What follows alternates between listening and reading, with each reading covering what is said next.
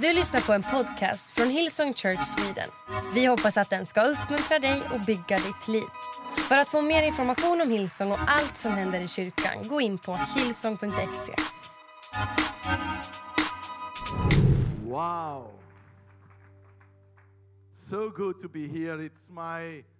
Actually, I preached last Sunday here in Stockholm. You don't remember? Yeah. Can be seated. Thank you so much. Actually, it's my first time not just in Hillsong, Sweden, but my first time in Sweden. And the devil tried to kill me. First day I arrived at the door at the hotel. I sleep at the ice and I just fell in the ground. You have to pray for the ground. They are still try to fix it. My head is good. And I discovered that I, I, I have an empty head because nothing happened. happened. So so I know that I came with a mission because the devil tried to to kill me. That's that's the spiritual version. The true version is I had to argue with my wife before I came. So you can choose in which version you believe. Thank you so much, Andreas and Lena, for having me here. Uh, I don't know if you know, you have probably the best pastors in the world. Andreas and, and Lena has been uh, friends for a long time and also an inspiration. Um, and you guys, as, ch- as a church, you are already, and I believe the best days are still ahead, but you are already an inspiration and a reference in Europe. And what you guys are doing, the sound that comes out of this house is an inspiration for all of us. Amen. Ready for the word? Come on, let's go. Mark chapter 9, verse 33 to 35. And I want to talk about the concept of servant leaders. Servant leaders. The Bible says, and they came to Capernaum, and when he was in the house, he asked them, he asked them, What were you discussing on the way? But they kept silent. For on the way they had argued with one another about who was the greatest. And he sat down and called the twelve, and he said to them, If anyone would be first, he must be last of all and servant of all. So, if I if I take this text and look with attention for what Jesus said, I came to a conclusion. And the conclusion is the servant of all is the leader of all. The servant of some becomes the leader of some. And nobody's servant is nobody's leader. So the level of our leadership is related with the level of our service. According to the Bible and the model of Jesus of leadership, the influence of my leadership is related with the level of my servant spirit. And I just want to share with you because they gave me, I don't know that in Sweden, just give 30 minutes for the preacher. Special a Portuguese preacher. Oh, come on. Joking. You know, in, in my church, I never run out of time. Because it's the clock's responsibility to adapt to me, not the other way around. We have strong leadership in Portugal.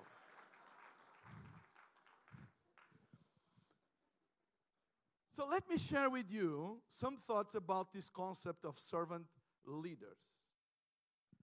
A servant leader, this is number one. I'm going to share three points. A servant leader doesn't need a title, or a position. He needs a mission and a calling. He doesn't need a position or a title, he needs a mission and a calling. Because there is a huge difference between mission and calling with position and titles. They sometimes they cross each other during our lives, position and mission, titles and calling. There is a crossways during our life, of course it is, but they are different.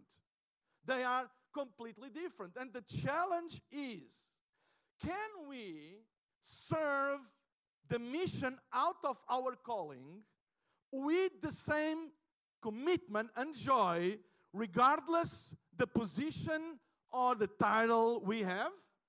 That's the challenge. Can we serve out of our calling and mission? Can we serve the mission with the same joy, commitment, regardless the position we have at the moment? That's the challenge. And I believe for the future of our church, for the future of Hillsong Sweden, I believe this principle is very, very important for us to be aware that my mission and my calling is for the rest of my life, but not my position or my title. So now I'm, I'm the pastor of Hillsong Portugal. And but I know, I don't know when, but I know one day I will be I will be not not anymore the pastor of Hillsong Portugal. It will come a day. I don't know when, but it will come a day. But my mission and my calling still remains in me. So during our lifetime, it's very normal, and, and I should say, very healthy for us to express our calling and our mission in different positions. Because your calling does not depend on your position. But the success of your position depends on your calling. So, my calling is, is, is, is connected, related with my identity. This is what I am. And what I am will express in any different kind of job or position. I don't need a specific position or job to express my calling. I don't know, I, I, I, believe because you are very spiritual, so you don't have this problem for sure. I'm just teaching just in case. Sometimes people come to me and say, Well, I want to serve in church. Wow, awesome. Come on. Uh, and I have, a, I have a calling and I have a mission. I am a creative guy. So I want to be in the creative team. I said, Well, but we need you on the host team. Well, but I am a creative guy, so I need to be in a creative team. No, you're not. You are a creative guy, so you will express that calling, that mission in the hosting team because you can express your calling regardless your position. Let's go to the, to the Bible because Rich was preaching and he's a Bible nerd. I'm not. So let's go to the Bible. Joseph. Joseph has a, had, a, had a dream, had an ambition to reach a level of or a position of governance in Egypt. But you know the story. When he talked with his brothers about his dream, they sold him. And he ended up as a slave in Potiphar's house. But the Bible says was not his dream. He never dreamed, why I'm going to be a slave in Potiphar's house. It's my dream. Do you have a position as a slave in Potiphar's house, Pastor? Was not his dream. But he ended up there. But the Bible says that everything Joseph, Joseph did prosper. And because of that, Potiphar pretty much gave him the administration of his goods and of his house. Because he expressed in a different environment the calling that he has. Do you understand? It doesn't, it, it, you know, he had the dream to go to the palace, but it was not necessary to be in the palace to express the calling. Even as a slave, he could express the touch of God in his life. And, and, and, and then he was accused of sexual abuse, fake accusation, which is very hard to deal with, and he end up in the prison. But the Bible says that even in prison, everything that Joseph did prosper.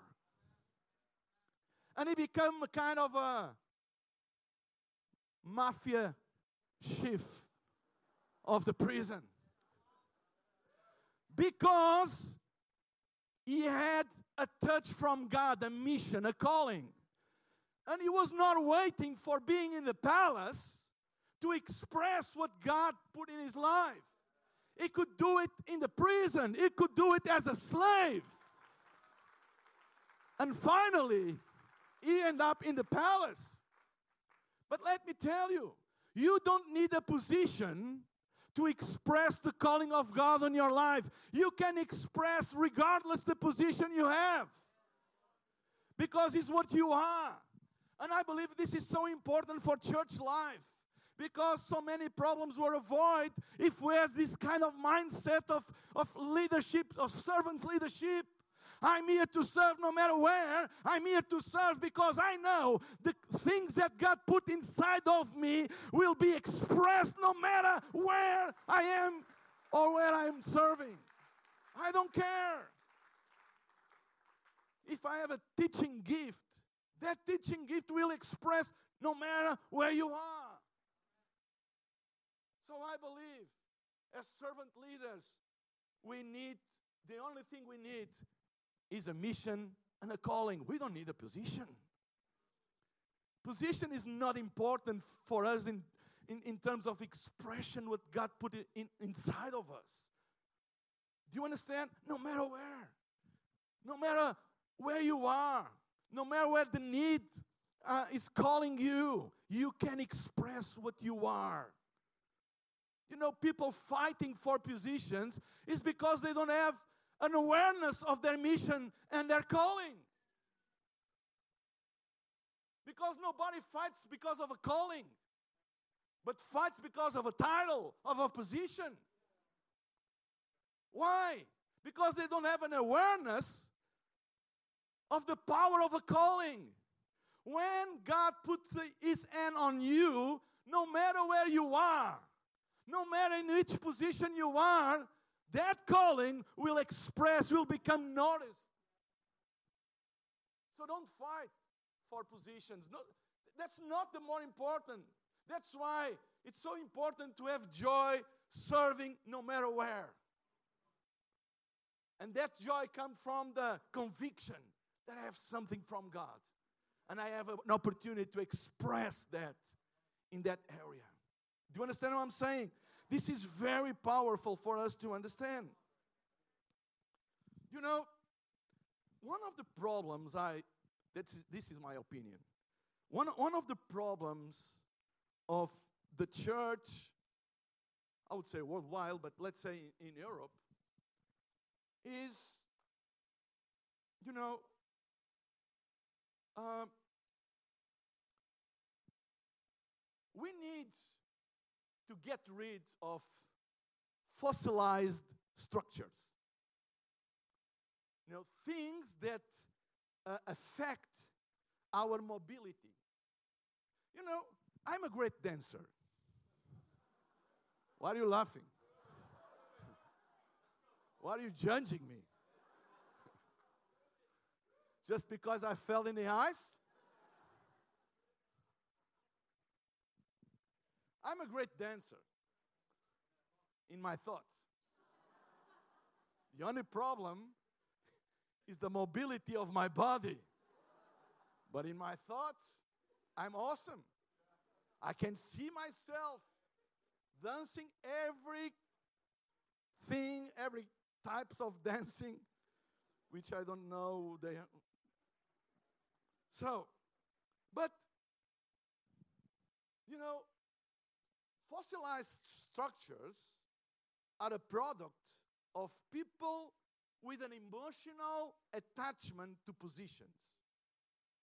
When people develop an emotional attachment to a position, the structure become fossilized. Like, for example, I have been the kids pastor for 20 years.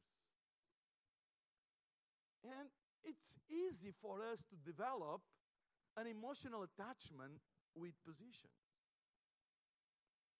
But we should get rid of that.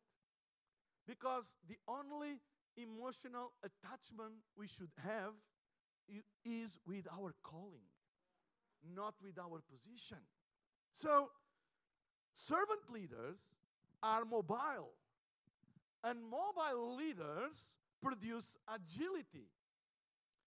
So, if a church lose agility, it starts living out of God's rhythm. So, have you ever been on the side of someone clapping out of tune? You know, I know in Sweden, here in Stockholm, worship is fantastic. Nobody claps out of tune. But have you ever been on the side of someone and you are, and, and he's like, after a while, hell breaks loose around because even the drama, like, oh, bass player. The music is okay, but is out of the rhythm, out, out of the groove. I, I don't believe, to be honest, I don't believe in churches out of God's will because it's a contradiction in terms. Like, if it's a church, it will never be out of God's will. What happens is church is out of God's rhythm because God has a rhythm. And the rhythm of God is not as any other music, is not always the same. God changed the rhythm sometimes. And sometimes he plays a worship song. And sometimes like more rock song. Woo-hoo. Sometimes he plays ABBA. you know, it changed written. And is the church responsibility to enter in God's written. In order for us to enter in God's written, we have to have agility. So if we have a wrong concept of ministry, if we believe that we own ministry and we own positions, we are not able to go in God's written because we need a lot of time to change. But when God changed the written, we have to go immediately after God's written. So we have to make changes. We have to adapt and adjust. And this guy now is not anymore in this position and goes to that position, and we're going to change the structure, we're going to change this and that, and everybody is okay because everybody has a calling, but they are not attached to positions. And this gives a lot of mobility and agility to the church. Because if we lose our capacity to adapt, we are losing our agility. And if we are losing our agility, we are losing God's rhythm. And we are still playing in a rhythm that God is not anymore playing. And it sounds weird. And there is no fruit. Not because we are out of God's will, but we lost the rhythm. Because God, He changed. And He didn't ask for, and He never asked for permission to change. He never asked, Are you ready? Sometimes he sent a prophet just to give a glimpse of things, which is true. That's why we should not despise the prophecies. Sometimes he sent a pastor and try to teach and let's go. You know, we need to have this concept of servant leaders. If, if Pastor Andreas doesn't need me anymore in, at kids' church and needs me at youth, you know, a youth group, I'm up for. Because what God gave me will express no matter where. And, th- and that, that mindset gives a lot of mobility to the church to adapt to the written of God. Number two. How many minutes do I have? Oh, you took the clock away. Okay, thank you. thank you very much. I feel much more comfortable now. Number two, a servant leader is not the problem. A servant leader is a solution. People are the biggest problems and people are the biggest solutions. Always. Always. Our biggest problem is not a venue or equipment. Our biggest problems are people. But also, our biggest solutions are not in resources, are not in materials, are not in, uh, are not in venues. Our biggest solutions are in people. So, do you want to be a solution or a problem? I know this sounds a little bit like a little bit like coaching, like do you want to be a solution or a problem. Usually they say, Do you want to be a part of the solution or part of the problem? But I just want to, you know, to draw your attention to the fact that I'm not talking about, you know, bringing solutions, but being a solution. Is a, is, is, a, is a difference. One thing is to bring a solution, another thing is to be a solution. On the other way, one thing is to bring a problem, another thing is to be a problem. And my question is do you want to be a problem or you want to be a solution? Solution is what you are, not what you suggest. Is what you are. It's not your suggestion or your idea. Do you know what your idea is? It's an idea. It's just an idea. You are the solution. We can bring solutions and still be a problem. And we can bring problems, but still being a solution. It's what we are. And a servant leader are not a problem, he is a solution. You know, we have the Bishop of Bishops here, Bishop Gary Clarke. Not sure if, gonna, if he agrees with me, I think so, but you know, he's much more experienced than me. I found out that the two main reasons why pastors and leaders are frustrated with their teams. The two main reasons. The first one is because the team is full of people that only bring problems. Do You know, when you have a meeting with the team, and you know that everybody is competing about who's going to bring the biggest and more difficult problem for the leader or pastor to solve. And when you are in an environment with a team that everybody is bringing, just bringing and bringing problems, and then they, so what are you going to do? That makes the leader and the pastor very frustrated because we don't have all the answers.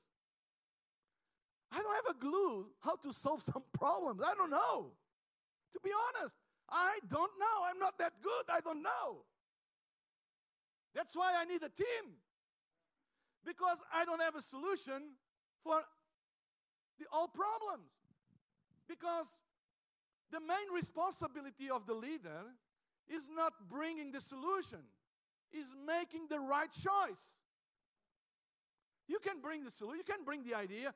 My main role is not to have the, the best ideas for church. To be honest, at this stage of our church, I don't have many ideas for my church.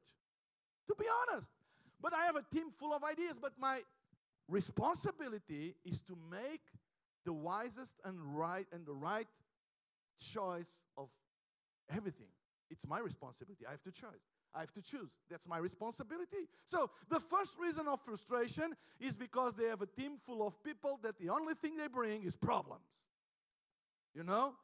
You know those people that when they call you, you know a problem is on the way. That's why I have a different ring in my phone for those people, like, uh, uh, uh, uh, uh, and I know. Don't pick up the phone.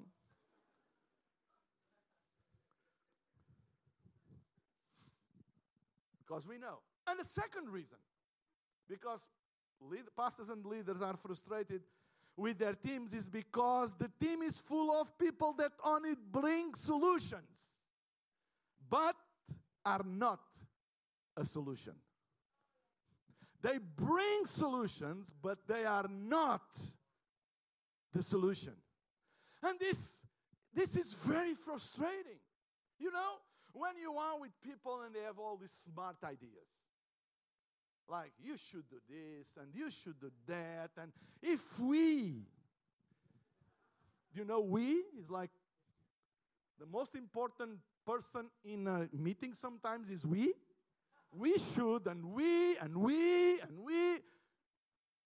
Who is we? Are you we? We, we, we. Français, oui, oui. you know? And they bring all the ideas and all you should do this and ba ba ba. ba. And we become frustrated because we don't have the skills or the strength or, or the knowledge on how to do it. I don't know. But they bring the idea. And they think they are a solution. No, they are. They are a nightmare. because we leave the room even more frustrated because now we know there is a solution, but I don't have the skills to do it. But I believe in a team when people come with ideas, but also they take responsibility for the ideas that they bring. And I believe a servant leader is a leader that takes responsibility for the suggestions and ideas that they bring. And I believe in raising a generation. It's not just smart, it's not just creative, they just they don't just have good ideas, but they have a sense of responsibility that they have to be and become the idea they are, they are suggesting. And it's very important for us to have this mindset. It's the only way we share the load of, of, of bringing the ministry forward. It's not just giving ideas, because ideas are ideas. It's, it's the, you know, the, the, the only way we have to share the load of ministry is to become the idea that we are bringing. So I have a text, I translate the text that I have for my team. They know the, or they should know this. And he says, Hi, Mario. You can put Andreas or Richard. I don't want to hear the problem you are about to tell me if you don't have an idea on how to fix it. And I don't want to hear about your idea on how to fix the problem if you are not available to be part of the process. That's it. Don't take my time if the only thing you, you want from me is just to give me information of how bad things are. Because most of the time, we already know. and don't come with me with your brilliant ideas unless you are available to be part of the process. If you come, hey, Pastor, we have this problem. Pastor, we have this need, but I have an idea on how to fix it. If, and, and if, the, if you want, I can be, a, I can take responsibility. I can do it. You can count on me. If you want it, I'm here available to bring that idea to conclusion. I'm a part of the process. I love this kind of people. And we want to build a team with this kind of people. They, they are aware of the problems, they have ideas, they are creative, they think about it. Because I want a leader that brings a problem that they spend five minutes about what I can do to help. That's why you are in my table, is to help, to carry the load, and be available. We have to take responsibility of our good ideas. There is a lot of people with good ideas but zero responsibility. They just throw the ideas and say bye bye. We have to take responsibility of the ideas we have.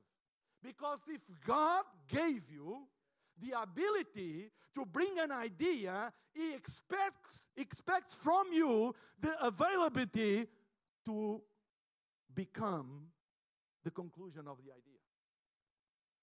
So let your complaint become your mission. Let your complaint become your mission. Because God gave us different kinds of sensitivities. Some people, they are more sensitive to some areas. And they say, hey, Pastor Andreas, we need to improve our, um, uh, how we say, the, the next steps about people that come to Christ, the follow up. Others say, well, we need to improve the way we do connect groups. Others say, well, we need to invest more in city care, take care of the poor. Different sensitivities and bring all the ideas. That's awesome. The only thing is required is responsibility that your complaint become your mission. Not just a complaint. Because a complaint doesn't bear fruit. But if you committed to change, eventually will bring change. So let your complaint become your mission. When I when I look to someone to be part of the staff or key leadership, I always look for two things. The first thing is the capacity to build a team. We have to bring people that are not necessarily the best doing things, but they are good on building a team that actually does the work. Okay? So I always look for someone that it doesn't need to be the best on doing, but is good on raising a team. And the second thing is the ability to do more with the things we already have. I don't want someone, Andreas, knocking on my door asking for a budget and more money. If I need more money for this. But I want people that have the capacity to take what we have and do some, something else, do more. I have a personal definition of innovation. I come for, from a country which is not known by being a rich country. We don't have abundance of resources. And the church in Portugal was always known for being small and poor and blah blah blah, with a mind and with a what, what I call an ambition mindset. If something if something bigger happened in Portugal, someone from Sweden has to come and pay and do it. So innovation is not having what no one else has. Innovation, it's doing what no one else does with what everyone has. Is using what everyone has in order to do what anyone is doing. But we are not, we are not having nothing special. We are just using what is already there. And I look for that in a leader, that capacity, because it's a sign of a calling. One of the signs of a calling of God in our lives is the capacity to use things that are already there and create something new. Number three, and last one And now I will become spiritual. I need the band.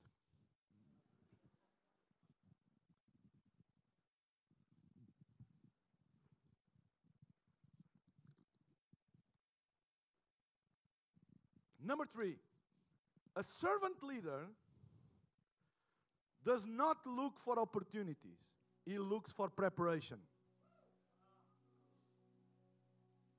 This is a very powerful concept. We love, I love opportunities. Don't get me wrong. I love opportunities. But we shouldn't be constantly looking for them. Because having a door of opportunity is not in our hands.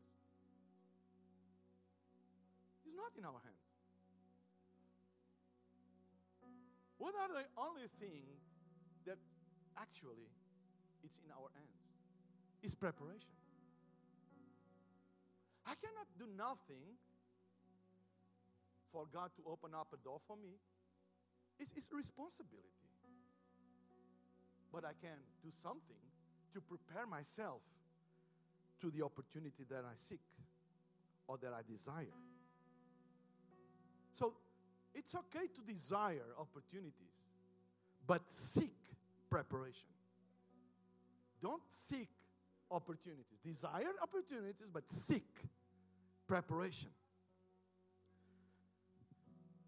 I don't know here in Sweden, I guess it's not that different than in Portugal. There is a kind of a mindset, especially in religion realms, that ambition of having ambition is evil. I'm very humble. I have no ambition. My only ambition is to serve Jesus and go to heaven. I don't want people without ambition around me. I want my team full of ambition. There's nothing wrong with ambition.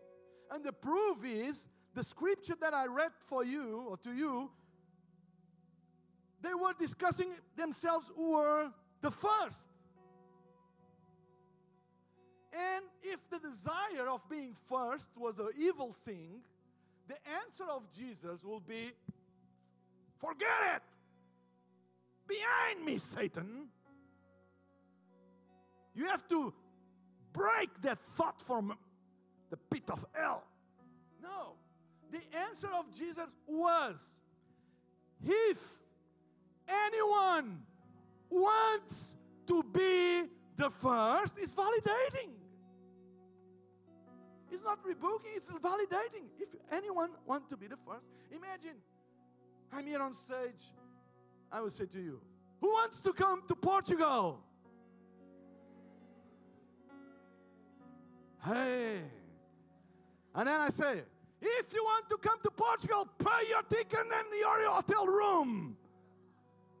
So I validate the desire, but I show the price of your desire. And what Jesus said to them was, There is no problem with your ambition. The problem is when you are not aware of the price of your ambition. When you are not aware of the price of your ambition, your ambition can destroy you. But ambition himself is not bad. Actually, the Bible, the Bible teaches in Timothy about the desire of the office of a bishop. If you desire the office of a bishop, a good thing you desire is an ambition. The thing is, Jesus always takes the focus on the ambition and starts talking about the preparation. What is required in order for you to get what you desire. I remember one day I was in, I think it was in Zurich, on a layover in Zurich airport to an international flight. And I had like a big layover there, like three or four hours on what we do when we are there. I went to see the shops. And I saw a shop of uh, luggage, baggage, luggage, and I saw like a carry on in the vitrine, a carry on, beautiful. It fits with me completely with my clothes, everything. I looked to them and I said, wow, this carry on was waiting for me.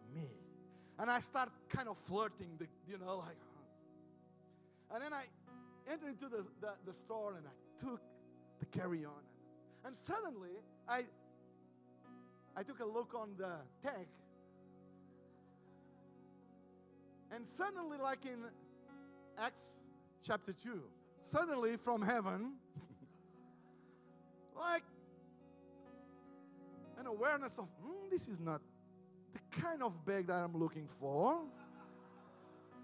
It's not fit with my tennis shoes and all. And the lady, do you want any help? No, no, no, it's not what I'm looking for. And I left. Why? Because I, I was not willing to pay the price of my ambition. For me, was not worthy. The problem with the ambition is not the ambition itself. Is do you know what is needed? Do you know the preparation? So let me tell you. Don't shrink your ambition, but raise the level of your preparation to the level of your ambition. That's the challenge. Raise the level of your preparation to the level of your ambition. You know, some people they say, well, but it's not healthy to have ambition without measure. And my question is, who sets the measure? You know, Andreas, for some Portuguese, my ambition of building the kind of church I'm building is ambition out of measure. Their measure, but not my measure. Don't allow anyone to set the, me- to set the measure of your ambition. What is the only thing that set the measure of your ambition? Is your preparation. Preparation is the only thing that actually sets the level of your ambition. I don't care how much your ambition or how big your ambition is until I see the willingness on your heart of preparation. Preparation is the only thing that actually can set the measure of your ambition. So don't despise preparation. That's why, and I'm going to finish, and according to homiletics, a good preaching always ends three times. just, but in Sweden, it's just one. I'm gonna, I'm gonna finish. Second Timothy chapter two, verse 15. Do your best to present yourself to God as one approved, a worker who does not need to be ashamed and who correctly handles the word of truth. He's talking about preparation. Timothy, prepare yourself. Hillsong Sweden, prepare yourself. You have a big vision. You have a visionary couple in front of this church, but prepare yourself. Raise the level of your preparation to the level of your ambition. Set your ambition by the level of your preparation. Let's stand, let's stand, and let's praise the Lord. Raise up your hands and let's praise the Lord and say to the Lord, I want to be a servant leader. I want to be a servant leader. I want to be a servant leader. I'm not serving position, I'm serving out of my calling. I want to be a solution, not a problem. And I want to raise the level of my preparation to the level of my ambition. In Jesus' name, let's praise the Lord. Amen. Du har lyssnat till en podcast från Hillsong Church Sweden. Om du vill veta mer om vår kyrka eller om våra söndagsmöten surfa in på hillsong.se.